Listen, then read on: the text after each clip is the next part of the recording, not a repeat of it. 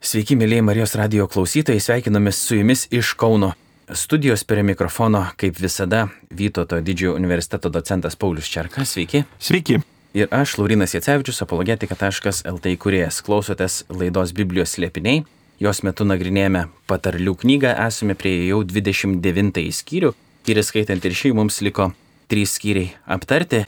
Jeigu prie mūsų prisijungėte pirmą kartą, tai trumpai nupasakosiu, kaip visa tai vyksta skaitom po vieną skyrių ir tada stojam tose vietose, kurios mums atrodo įdomios, iš kurių būtų galima kažką pasimokyti. Be abejo, iš visos patarlių knygos ir apskritai viso šventojo rašto galima kažką pasimokyti, bet kadangi laiko viskam neturime, tai stojam tik ten, kur užkliūva mūsų akis ir vilėmės, kad tai bus jums naudinga. Tad pradedam skaityti 29 skyrių nuo pirmos eilutės, taptaldami vis kas kart kažką aptardami. Kas dažnai įspėtas įsižeidžia ir užsispiria, tas bus taiga ir visiškai palauštas. Kai teisėjai vyrauja, tauta džiaugiasi, o kai nedoraliai valdo, tauta dėjoja. Žmogus mėgstantis išminti neša savo tėvui laimę, o kas bendrauja su kekšėmis, tas eikvoja savo turtą. Jau prieš laidos įrašą kalbėjom su Paulium, kad būtų galima sustoti prie trečios eilutės, tad tą ir padarom ir Pauliu, kokios išvalgos? Iš ties, patarlių knygoje mes daug kartų sutinkam išminti, sulyginama su moterimi, lygiai kaip ir kvailystė. Ir alegorija čia yra ta, kad e, tarytum jaunuolis ieško savo žmonos, tėvai dėl to išgyvena arba džiaugiasi arba liūdį ir priklauso, ką jam pavyksta, su kuo susigyventi, su kuo susidraugauti. Gali būti su išmintimi arba su kvailystė. Ir vienu atveju kvailystė yra pateikiama kaip prostitutė, čia vertime kaip kekšė, kaip neištikimoji, daug įvairių na, tokių vaizdinių sutinkame. Iš kitos pusės išmintis taip pat yra pateikiama kaip moteris, kurios poveikis yra labai panašus į santokinį gyvenimą, jog ji iš tikrųjų pakeičia to vyro ją suradusio gyvenimą į gerą. Ne tai, kad išvaisto jo turtą, bet priešingai padaro jį sėkmingu. Ir aišku, čia neina kalba apie lytį, tai aktualu vyram ir moterim, čia yra mūsų sielos alegorija, to jaunuolio, kuris ieško, na, gyvenimo partnerės. Čia turbūt galima prisiminti ir Jėzaus palyginime apie sūnų palaidūną, taip vadinamams sūnaus palaidūno palyginime, kuomet sūnus paliko tėvą ir palikimą išvaistė pasakytą su kekšėmis. Tai šiuo atveju tai yra naudojama ta pati simbolika ir ta na, prostitutė arba kekšė yra kvailystės arba maištingo gyvenimo prieš Dievą alegorija, priešingai negu išmintis. Tai šiuo atveju šitoje lūtį mes matom tarytum vieną su kita nesusijusius dalykus, vėl mėgstantis išminti arba bendrauja su kekšėmis, atrodo, kuo tai susišaukia, bet kai suprantam simboliką, mes vėl pajaučiam eilinį kartą prieš pastatymą dviejų moterų ir išminties ir kvailybės tą įtampą ir poveikį žmogui. Kalbant apie išmintį, mes žinom, kad kitoje vietoje yra parašyta, kad pagarbi viešpatės baimė yra išminties pradžia ir tai jau byloja mums apie nuolankę nuostatą, jeigu mes norim siekti išminties. Ta išmintis, beje, pagal biblinį supratimą, jinai nėra visiškai besmenė, tiksliau, jinai yra asmeniška ir tai skaitom visoje hebrajų Biblijoje, taip pat ir komentatoriai teigia, ne, kad Jėzus yra suprantamas kaip ta įsikūnijusi išmintis, taip pat jinai, ta išmintis yra lyginama su ta moterimi, kaip ką tik jau ir buvo užsiminta. Bet grįžtant tada prie pirmos eilutės, irgi atrodo, kad tas, kuris dažnai spėtas įsižeidžia ir užsispiria, ir jis bus galiausiai palauštas, ar ne, jis yra neišmintingas, o jis yra neišmintingas ir negali toks būti todėl, kad jis yra nenuolankus.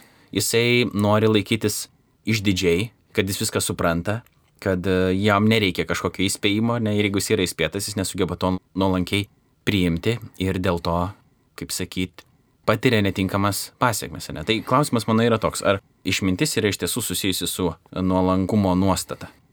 Taip, tai nėra žinių bagažas. Šiuo atveju tai labiau su mūsų nuostatomis susišaukiantis dalykas ir tik pirmoji lūtė yra pateikiamas toks įdomus gražus vaizdinys apie gyvūną, gyvulį, kuris e, užkėtina būtent sprandą, tai yra nesiduoda įkinkomas, nenulenkia savo sprando tam, kad galėtų būti pajungtas ir na, nukreiptas teisinga kryptim. Ir įdomu, kad vaizdinys yra po jo to užkėtėjimo vis tik sprandas lūšta ir čia pažodžiui būtų jam nėra išgydymo. Tai yra tas lūžimas jau nebegali būti sugydytas, tas kaulo lūžis yra toks sunkus, kad jis nebesugyja. Tai tarytum pats save sužeidęs gyvulys ir žmogus, kuris gali lygiai taip pat savo tuo kietumu kuomet yra pateikiami jam ir argumentai, ir tikinami argumentai, bet jis užsispiria, kad ne, jis jų neklausys.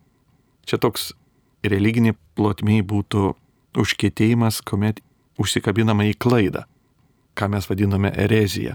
Pati klaida, jinai yra pavojinga, bet e, pavojingumas to yra neklysti, visi klysta ir bažnyčios tėvai daug kartų yra klydę, bet užsispyrimas laikytis klaidos.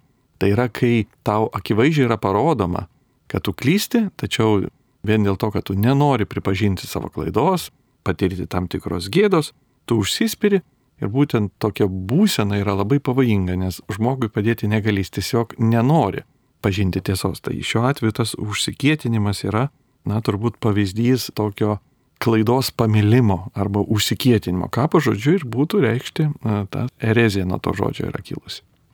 Skaitome nuo ketvirtos eilutės. Teisingumu karalius padaro savo kraštą saugų, o tas, kuris užkrauna didelius mokesčius, jį pražudo. Žmogus, kuris pataikauja savo artimui, spendžia pinklės jo kojoms. Nedoro žmogaus kaltėjas lypiems pastai, o teisusis dainuoja ir džiaugiasi. Kadangi vėl prieš laidą kalbėjome ir apie šeštą eilutę šiek tiek, tad leisiu tada irgi išvalgom pasidalinti apie ją ir po to grįšim prie ketvirtos. Tai šeštoji eilutė yra pateikiamas tam tikras paradoksas. Jis jau matomas buvo ir senovės žydams, ir senovės graikams, kad vagis apiplėždamas padaro žalą artimui, bet dar didesnę žalą padaro pats savo, nes jis pažeidžia savo prigimtį. Šiuo atveju vagystė paveikia jį patį ir paveikia jį žalingai. Čia vaizdingai tai pasakyta, kad tai būtų tarytum jame slypintis pastai, tu pats savo pasispendis pastus per netinkamą poelgį. Nors viena vertus tas poelgis lik materialia prasme naudingas, bet iš principo tavo charakteriu jis yra be galo žalingas, o tai yra didysis tavo turtas. Ir atvirkščiai, teisusis, kuris atsisako padaryti tą tiesmukiškai naudingą poelgį, jis nepraturtėja, bet viduje jis yra laimingas, jis dainuoja ir džiaugiasi. Ta alegorija žmogaus, kuris gali džiugauti. Čia mes turbūt turėtume prisiminti Kalno pamokslo palaiminimus, tradiciškai sakom palaiminimus, bet jau nauji vertimai ir lietuvių kalba išėję vertimai grįžta prie tiesioginio vertimo, kuris būtų laimingais, tai kas mus padaro laimingais. Tai, kas mums leidžia iš tikrųjų mėgautis gyvenimu ir kelias į laimę ir yra Jėzus pamokymai. Nors galbūt tu neturi tos laimės, kaip vagis neturi laimygio, atsisakai tokio dalyko, bet tu turi kitokią laimę, kuri yra daug didesnė.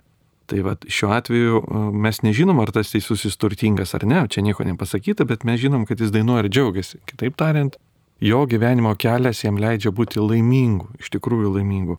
O nedoras žmogus galbūt ir turi materialinę gerovę, bet iš tikrųjų jisai pasispendęs pastus viduje, reiškia sugadinę save, didįjį turtą, savo prigimtį, pažeidęs. Dar norėjau, kaip ir minėjau prieš tai, grįžti prie ketvirtosios eilutės, nes kažkam galbūt gali susidaryti įspūdis, kaip tarsi čia būtų galima ieškoti pateisinimo mažinti mokesčius valstybėje, ne kadangi čia apie politiką, kaip ir 28 skyriui rašoma yra nemažai. Tai čia priminsiu parašyta, kad teisingumu karalius padaro savo kraštą saugų, tas, kuris užkrauna didelius mokesčius, jį pražudo. Tai ne, nereikėtų galbūt tada užkarvinėti tų didelių mokesčių. Aišku, ką mes jau aiškinamės čia padarlių knygui, kad yra ne vienas sluoksnis to, kaip būtų galima skaityti šitas eilutes ir tikėtina, kad galima jas skaityti ir per politinę prizmę žvelgiant, bet galbūt ir dar kažkaip kitaip. Tad kaip mes galėtumėm šitą eilutę pažiūrėti?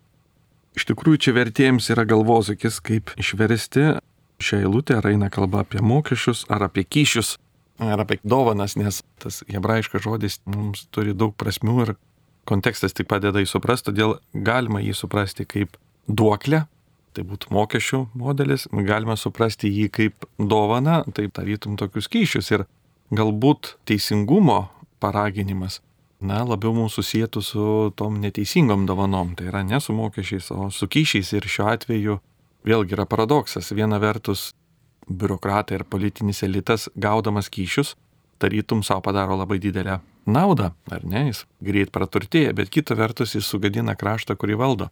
Tai yra nupjauna šaką, ant kurio sėdi. Ir tai yra korupcijos toks paradoksas, jog ji viena vertus praturtina valdantį elitą, kita vertus jinai jį ir apiplėšia dar labiau, nes atima iš to elito tautos gerovę, kuri, jei nebūtų tos korupcijos, iš tikrųjų ta gerovė būtų daug didesnė ir to politinio elito. Tai galbūt čia norėtų pasakyti tokį paraginimą politiniam elitui, kad geriau tegul jie rūpinasi teisingumu ir rezultatai ir jiem bus geriau per tautos gerovę. Galima turbūt šitą eilutę taip suprasti. Bandom skaityti toliau nuo septintos. Teisusis rūpinasi betručių teisėmis, o nedorelis tokio rūpinimuose negali suprasti. Pašaipūnai sukelia mieste samišio, išmintingai numalšina žmonių įniršį. Jei išmintingas žmogus eina su kvailiu į teismą, kvailis tik niršta ir besaikų juokiasi. Traugeriški žmonės nekenčia doro žmogaus, o doriai rūpinasi jo gyvastimi.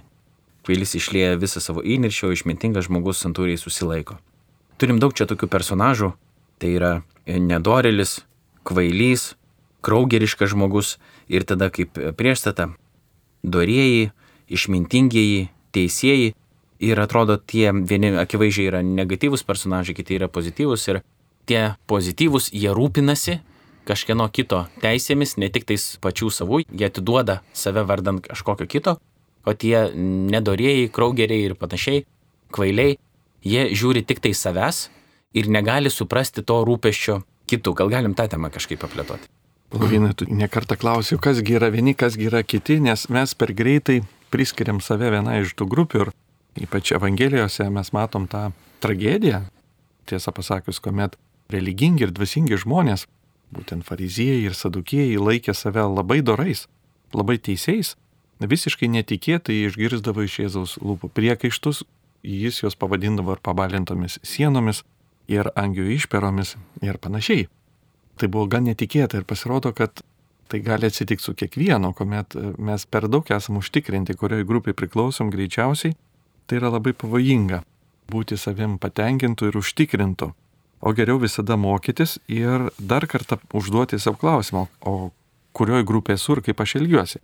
Ir kalbant apie beturčių teises, tai turbūt tai yra tam, na, klasikinis disputas ar problema, kas yra teisus. Ar stiprusis yra teisus, reiktų laikyti į teisų, ar tas, kas yra teisus, turi gauti stiprybę, tai yra tam tikrą jėgą. Ir Na, vakarų civilizacijoje mes laikomės nuostatos, kad nesvarbu, ar tu turi jėgą ar ne, jeigu tu esi teisus, tai tu turi būti teisus nepriklausomai nuo to, ar tu stiprus.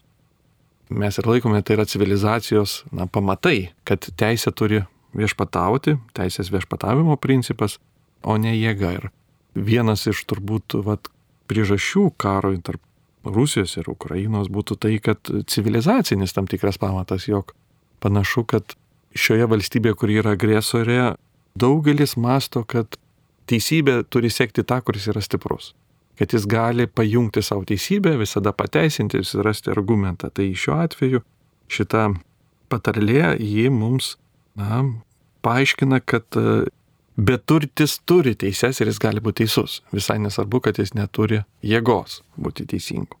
Kažkiek 12 eilutė, kurią aš dabar perskaitysiu, šitame kontekste įsipaišo Jei valdovas klausosi melo, visi jo pareigūnai taps neduri. Tai kalbant apie irgi Rusijos agresiją ir Putiną kaip valdovą, kuriam yra taip irgi sakoma, ne, kad jis klausosi daug įvairių žinių, kurios nebūtinai atitinka realybę. Tai klausimas vėl čia yra, kiek tas, kuris klausosi melo, visų pirma, kas jam tą melą sako, čia jau ne tik apie Putiną kalbant, bet apskritai ir apie šitą eilutę, kas jam tą melą sako, kokia yra tada atsakomybė to, kuris tą melą girdi, ar jisai turi kokią nors atsakomybę, tada ar jis yra tik tais marionetė. Ir tada, kaip rezultatas to, kad pareigūnai tampa nedori, bet klausimas yra, kas yra dora, nes tai bent jau šiuolaikiniai visuomeniai nėra savame suprantamas terminas - doras žmogus. Daug klausimų, Lorinai, bet pabandykim dar grįžti prie tos eilutės idėjos, reiškia, apie valdovą, kuris klausosi melo. Tai norėtų pasakyti, kad jam patinka jį girdėti. Tai yra išeities taškas yra vadovas, kuris nenori žinoti, kaip yra, bet nori visuomet girdėti tik geras naujienas. Ir jeigu vadovas turi tokią savybę, neišvengiamai yra žmonių, kurie atliepsi tą savybę ir, ir jam nuolat pateiks geras žinias. Na, mes galbūt nesam tikri, kaip yra, kokias žinias girdi Putinas, taip, galim tik pasamprataut, tačiau ekspertai mano, kad iš tų sprendimų, kokie buvo padaryti, buvo pernelik didelis užtikrintumas savo pranašumu kuris pasirodė esas perdėtas. Panašu, kad tai atsirado būtent todėl, kad valstybės vadovas buvo linkęs girdėti tik geras žinias. Ir būtent toks pasirinkimas natūraliai pagimdo, kad žmonės tau jas ir sako. Tačiau naiviai tikimasi, kad tu tik vienas gali meluot reiškia, o tau sakys tiesą. Iš tikrųjų vyksta taip, kad kai tu meluoji, aplink tave taip pat susibūrė panašus melagiai ir tas persiduoda iki mažiausios grandies. Tai yra kareivis, kuris daro, rašo raportą apie būsiną frontę, jis taip pat meluoja apie netikimus ir padėtį. Viską pagražina ir tas pagražinimas prasideda nuo žemiausių grandžių iki pat aukščiausio. Atrodytų, kad galima gyventi valstybėje, kur tu gauni objektyvią informaciją, tik tada tautai tu sumeluoji. Tačiau jeigu tu prisimė tokį modelį, tai persiduoda ir visas grandis, ir visi meluoja. Ir tada nebeįmanoma jau įsiaiškinti, kaip yra iš tikrųjų, nes tai užsikrečia, na, ta lyga yra pas visus ir niekas nebežino tikros padėties. Tai ekspertų nuomonė, kad būtent iš politinės pusės greičiausiai Rusijoje stebima tokį procesą, kuomet melas yra persiskverbęs į visas, na, sakykime, struktūras, o ne tik į pačias aukščiausias. Bet tas gali būti ir bet kurio įmoniai, kuomet atsiranda vadovas, kuris nori girdėti tik geras žinias, automatiškai viskas įsikreipia. Melas klinta ne tik tai jo kabinete, persiduoda į, į žemesnius sluoksnius. Tas pats bus bet kurioje bendruomeniai, tas pats bus ir bažnytiniai bendruomeniai. Tai tai yra mūsų įspėjimas, kad mes turėtume nebijoti išgirsti blogų žinių, ką patarlės nuolat mums primena, kad geras draugas yra ne tas, kuris pataikauja, bet tas, kuris pasako nemalonę tiesą. Ir ne tik e, bendruomeniai ar bendrijai kokoj, bet ir mums asmeniškai. Irgi, jeigu mes norim patys tik apie save girdėti gerus dalykus, tai nesimsim jokio pokyčio daryti ir labai greitai tai. galim į šiolą nugarmėti su tom gerom žiniom. Trumpai tada, jeigu galima apie dorą, kaip reikėtų suprasti, kas yra doras žmogus pagal biblinį supratimą. Doras ir teisus labiau būtų kategorija, kuri mums artimesnė turbūt būtų kaip šeimos kategorija. Tai yra turintis ryšį su gyvenimu arba su Dievu, jeigu tas ryšys yra šeimininis ryšys, tai labiau apibūdina tokia alegorija. To teisumo ir doros kaip gyvenimo šeimoje, gyvenimo pagal to šeimos modelį, pagal, jeigu tėvai būtų alegorija Dievo, tai pagal jų nustatytą na, šeimos tvarką bet tai nėra absoliučiai kažkoks gyvenimas pagal tik formalias taisyklės, pabrėžiant tik tai, na, taisyklių gaus ar panašiai priešingai, tai yra tam tikro ryšio. Gyvenimas, kuris padaro tėvus laimingus arba gyvenimas, kuomet tėvai gali savo vaikais didžiuotis. Tai vad tokia alegorija būtų doros alegorija, biblinė kalba ir būtent čia mes sutinkam tą patarlių naudojamą vaizdinį, šeimos vaizdinį su patarimais ir instrukcijom. Kitaip tariant, nes nesitikėjau tokio atsakymo, tai atitikimas galbūt būtų toks žodis, kurį būtų galima čia vartoti, atitikimas tam tikrai tvarkai. Sakykime, tai netgi mes galėtum apie savo pačių, jeigu, pavyzdžiui, žmogus yra nekrikščionis, ar jis gali būti doras žmogus, neturėdamas omenyje Dievo jokių įsakymų, ne, nelaikydamas save krikščionių šeimos dalimi, jis vis tiek gali būti ar netrodytų doras, bet kaip jis yra tada doras? Jis doras yra tada, jeigu jisai gyvena tinkamame santykėje su realybė, nors ir jos nesupranta iki galo, kokia jinai yra, bet jis būdamas bent jau kažkiek tinkamame santykėje iki galo su realybė galima būti tik per Jėzų Kristų, ne, kuris yra asmuo ir santykis yra asmeniškas su ta galutinė realybė, bet kadangi kiekvienas yra sukurtas pagal Dievo atvaizdą, jis negali gyventi ne Dievo pasaulyje ir bet kokiu atveju jis arba daugiau arba mažiau atspindi Dievą, savo kurėją ir suprasdamas tai ar nesuprasdamas, tai tas žmogus, kuris suprasdamas ar nesuprasdamas vis tiek gyvena pagal atitikimą savo prigimčiai, jo jo prigimtis yra būti sukurtam pagal Dievo atvaizdą, tada jisai tame santykėje gyvendamas ir gali savo dorą kažkaip skleisti kažkiek. Mes sakytume taip, būti doru nebūtina būti religingu, o gaila, bet ne visi religingi yra dori. Duoto atveju, na, tos darybės klasikiniai yra keturios, ar ne? Ir kuo daugiau žmogus jas puoselėja, tuo labiau mes sakytume, ir yra ta dora, labiau atitikimas žmogaus prigimčiai, jis labiau žmogus, jis vis yra labiau žmogus. Bet ta šeima tai nebūtinai yra, na, grinai techniškai religinė bendruomenė, tai gali būti va, ta Dievo šeima, kaip žmogus save suvokiantis kurėjo šeimoje, tai mano pavyzdė būtų taip pat. Gal žmogus ir nėra tikintis, bet jis iš ties atliepia kurėjo standartą ir savo prigimtį.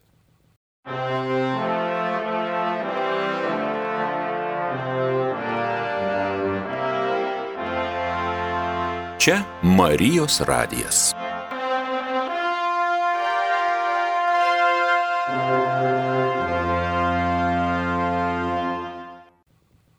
Skaitom toliau nuo 13 eilutės. Vargšas ir jo engėjas turi ryšį, jų abiejų akims viešpats duoda šviesos. Čia trumpai gal skaptelkim, nes kažkiek užsiminėm jo apie tai, kad ir vienas ir kitas, kad ir koks žmogus bebūtų, čia yra paimta tarsi vėl pozityvus ir negatyvus veikėjai, vargšas ir engėjas, bet jų ryšys yra tas, kad jų abiejų akis apšviečia tas pats viešpats. Kokia jų pozicija. Taip, iš tikrųjų, jeigu mes palygintume na, vargšus ir turtingus, ir užduotume klausimą, kas tarp jų bendro, tai netai paprasta rasti bendrų dalykų, bendrų vardiklių. Socialinis gyvenimas, sveikata, planai ateitis, politinis gyvenimas, ekonominis gyvenimas - visi skirsis. Ir tarytum pirmas įspūdis, ogi nieko bendro nėra, tai tarytum skirtingos planetos. Kita vertus, jie turi labai daug bendro, nes ir tas ir tas yra žmogus, ir santykė su Dievu pasirodo šitie dalykai, nors jie yra tokie skirtingi, jie nepadaro mūsų iš esmės skirtingais. Reiškia, mes turime daug didesnį bendrumą negu socialinis ir ekonominį ryšį. Vakar ar šį rytą neatsimenu, kada dabar svaršiau tokį dalyką, kuris filosofams toli gražu nėra keistas, bet e, mūsų paprastų žmonės ne visada užklumpa tokios mintis.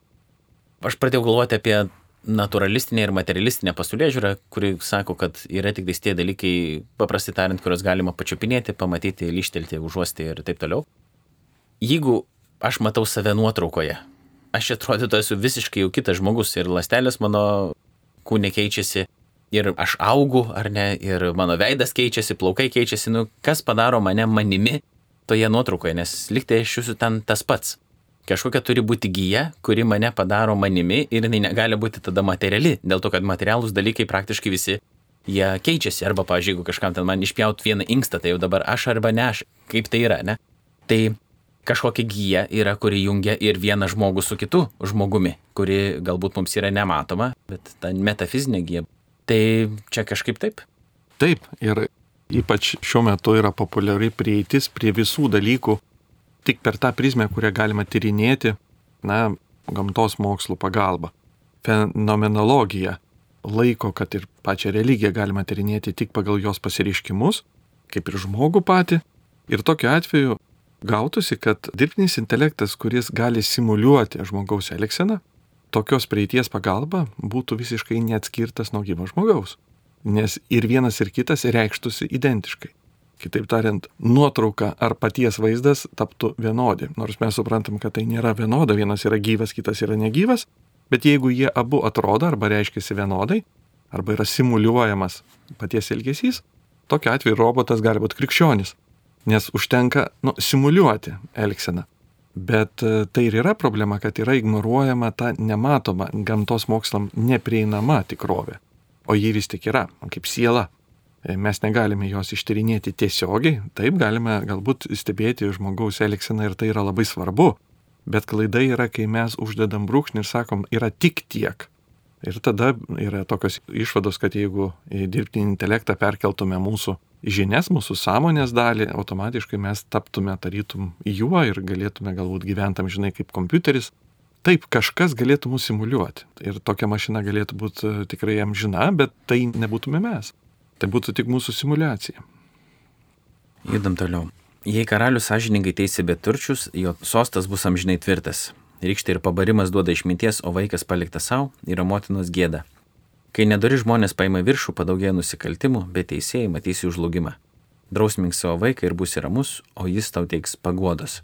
Gal čia turim tokį kaip ir įrėminimą tarp poros įlučių apie vaiką, jo drausminimą, rykštę ir ne tik.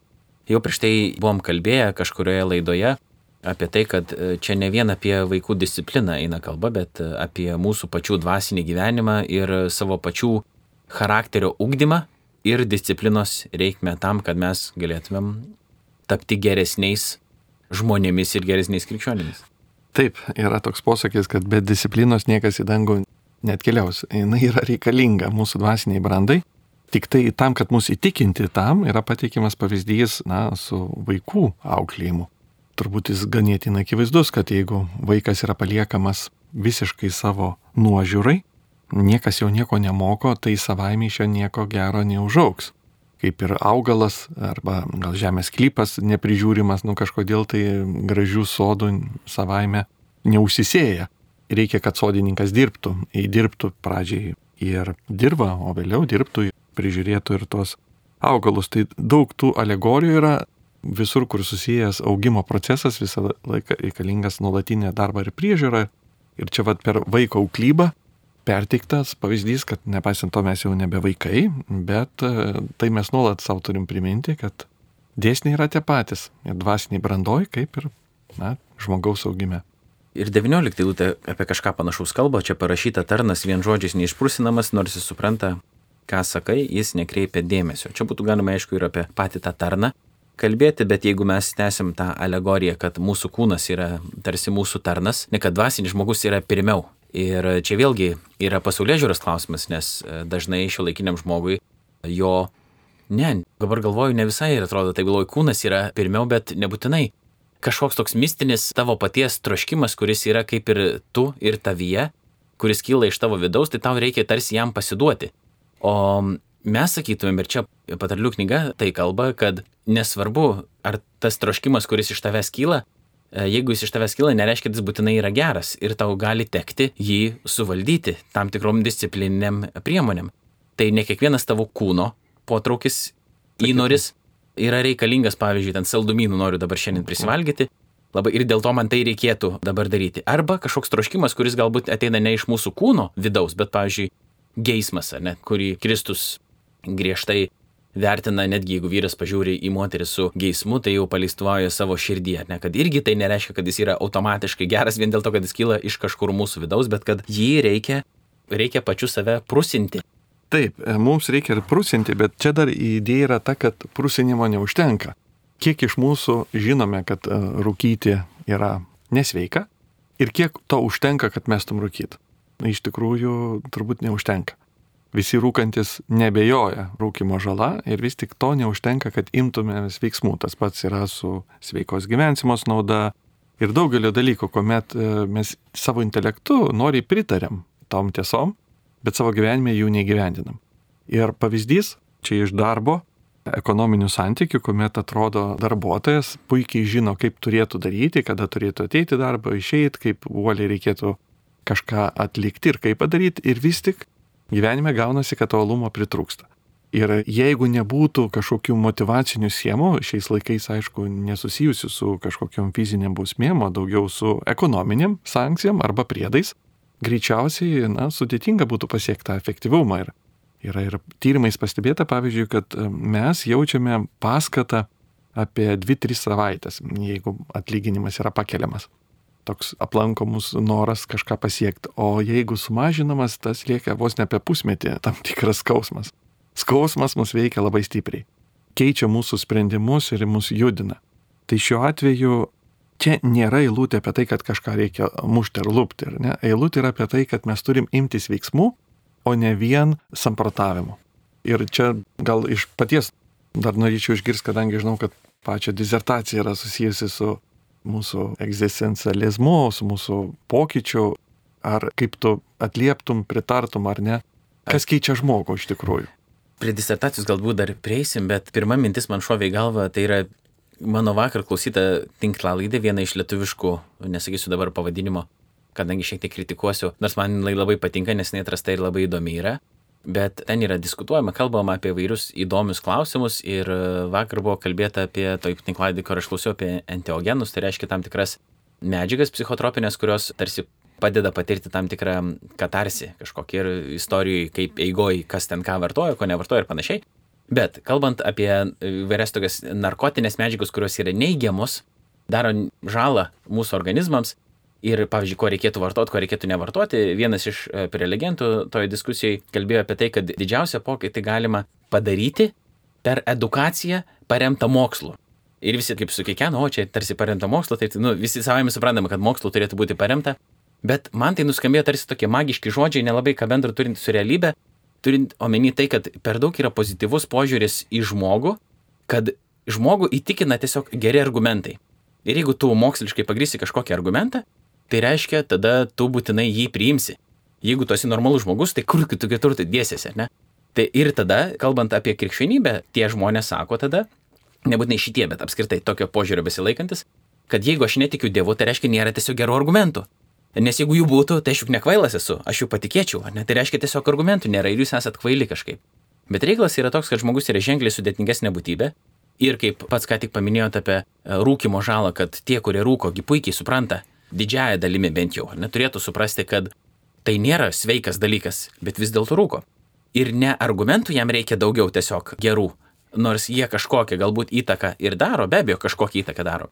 Bet ženkliai labiau veikia kažkoks sukretimas gyvenime, vienas dalykas, tai yra neigiama pusė, ir tada pozityvi patirtis, tai reiškia disciplina, kuri ilgainiui, jeigu daug jie yra užsiimama kažkokiu dalyku, gali tau išmušti tą negatyvų žalingą prisirišimą, žalingą įprotį, pakeisti kažko pozityviu, bet tam reikalingas yra ilgas tarpas ir disciplina, o ne vien tik tai žinios.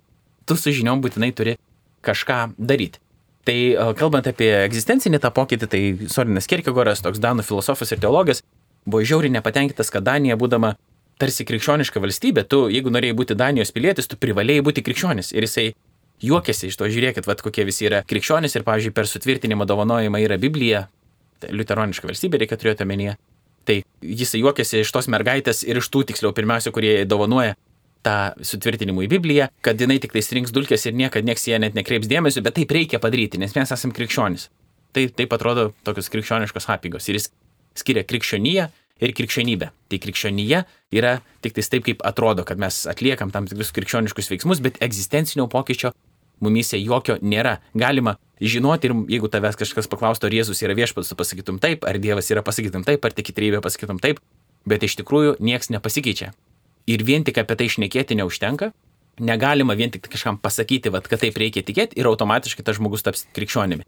Ir jis su to klausimu grumėsi visą savo gyvenimą, pats klausė savęs, ar jis yra krikščionis ir galvoja, kaip kitas tampa krikščionimi. Ir jis kalba apie tokį dalyką kaip netiesioginė komunikacija, kad iš principo reikia atkreipti dėmesį. Reikia atkreipti dėmesį į Jėzų Kristų, tai yra daroma įvairiais būdais, įvairiom formom, bet reikalas yra toks, kad būtinai tas tavo žinojimas kažkoks arba tai, ką tu supranti, jis turi būti išgyventas, įgyvendintas ir patirtas. Ir jis bando savo filosofiją, savo filosofinį mąstymą įgyvendinti. Ir Tomas Sudeika, Lietuvos filosofas, sako, kad Kierkegoras filosofuoja savo gyvenimu. Kitaip tariant, tai, ką tu supranti, tai, ką tu žinai ir netgi tai, ko tu nežinai. Ir tau reikia įgyvendinti kažkaip. Tai irgi siejasi su, Taip. su tuo, apie ką buvo kalbama. Ir čia gal galim prisiminti Jokūbo laišką, kuomet jis pateikė tokį pavyzdį, kad demonai tik ir dreba. Ir tokiu atveju tas intelektu tik priimtas tikėjimas nu, yra būdingas netgi demonam, bet jis neveda jokį veiksmą. O tikras tikėjimas, būtent gyvas tikėjimas, pateikimas kaip Abromo pavyzdys jo laiške žmogaus, kuris atsisako savęs, aukojasi, daro veiksmus. Ir čia turbūt ir ta patarlė jinai mus kviečia to paties. Na, savo galim pasakyti, kad kažkokios disciplininės praktikos, ne, kad ir pasnikas arba susilaikimas nuo kažko, tai irgi būtų jau daugiau negu žodžiai, kažkokie veiksmai, vedantis į tikrą pokytį. Tai malda, ėjimas netgi į, pamaldas, ar ne, tai jau būtų jau veiksmas tam tikras, nedidelis, bet veiksmas, jau daug daugiau negu vien tik žodžiai. Kadangi išnekėjom čia pakankamai nemenkai, dabar paskutinę dalį šito skyriaus kelsim galbūt į du gabaliukus ir bandysim juos trumpai aptarti, turėdami likusias kelias minutės. Nuo 18 skaitau. Kai nebėra svajonių, tauta praranda savitvardą, bet tie, kurie laikosi įstatymo, būna laimingi. Tarnas vien žodžiais neišprusinamas, nors ir supranta, ką sakais, nekreipia dėmesio. Ar matai žmogų skubantį neapgalvotai kalbėti, iš kvailio galima tikėtis daugiau negu iš jo. Vergas lepintas nuo mažens galų gale taps neklaužada. Pikto būdo žmogus sukelia ginčą, o karštakošis pridaro daug nusikaltimų. Čia iš esmės e, nemažai lūčių jau kartoja tas mintis, apie kurias mes aptariam, ne irgi apie tą nenorą priimti pastabos ir lepumą, ir ėjimą į klaidą dėl to, ir nusivylimą. Tai gal trumpai tik aptarkim 16 eilutę, kur yra toks įdomus žodis svajonės, apie kurias mes galbūt netiek daug kalbam krikščioniškos ratose, o čia yra pasakyta, kad kai nebėra svajonių, tauta praranda savitvardą. Na, pažodžiu, čia būtų regėjimas ir vertėjams yra galvosakis, kaip jį išversti kuriuo žodžiu, nes žodis regėjimas mums mažai ką pasako. Vieni verčia vad svajonės, kiti pranašiškais regėjimais, bet e, iš principo tai yra tam tikras motivuojantis dalykas. Tai, ką mes turim turėti žiūrėdami į priekį. Na, panašiai kaip Lietuva buvo įsikėlusi neblogą savo tikslą savo laiku tapti NATO ir ES nare ir tai labai apjungia, na, politinę bendruomenę kartu siekti tikslo ir kol yra toks tikslas, tu tarytum gerai pajungi ir susivaldai. Tada ir, ir reikėjo ir didinti biudžeto išlaidas gynybai, daryti kitas reformas. kai turi tikslą, buvo lengva save disciplinuoti.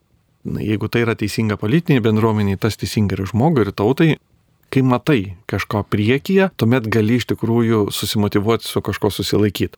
Ir tokiu atveju tas susilaikimas ir yra mūsų na, įstatymas arba pamokymas. Jisai tave tarytum suvaržo, bet jei tu matai į priekį, tau lengva priimti tos suvaržymus. Ir tada tikriausiai kitas demo būtų, nes yra tikslo demo. Tikslo demo. A, Taip. tai kitas būtų tikriausiai prasmės, nes tu gali turėti tam tikrą tikslą, bet jeigu jis tau yra neprasmingas, tu nematai kam. Nu gerai, aš atsisakysiu ir pasieksiu, bet koks skirtumas iš principo, net tai turi būti svarbu mums. Tai Taip, prasmės ir tikslo, taip. Ir baigiam dabar keliom eilutėm.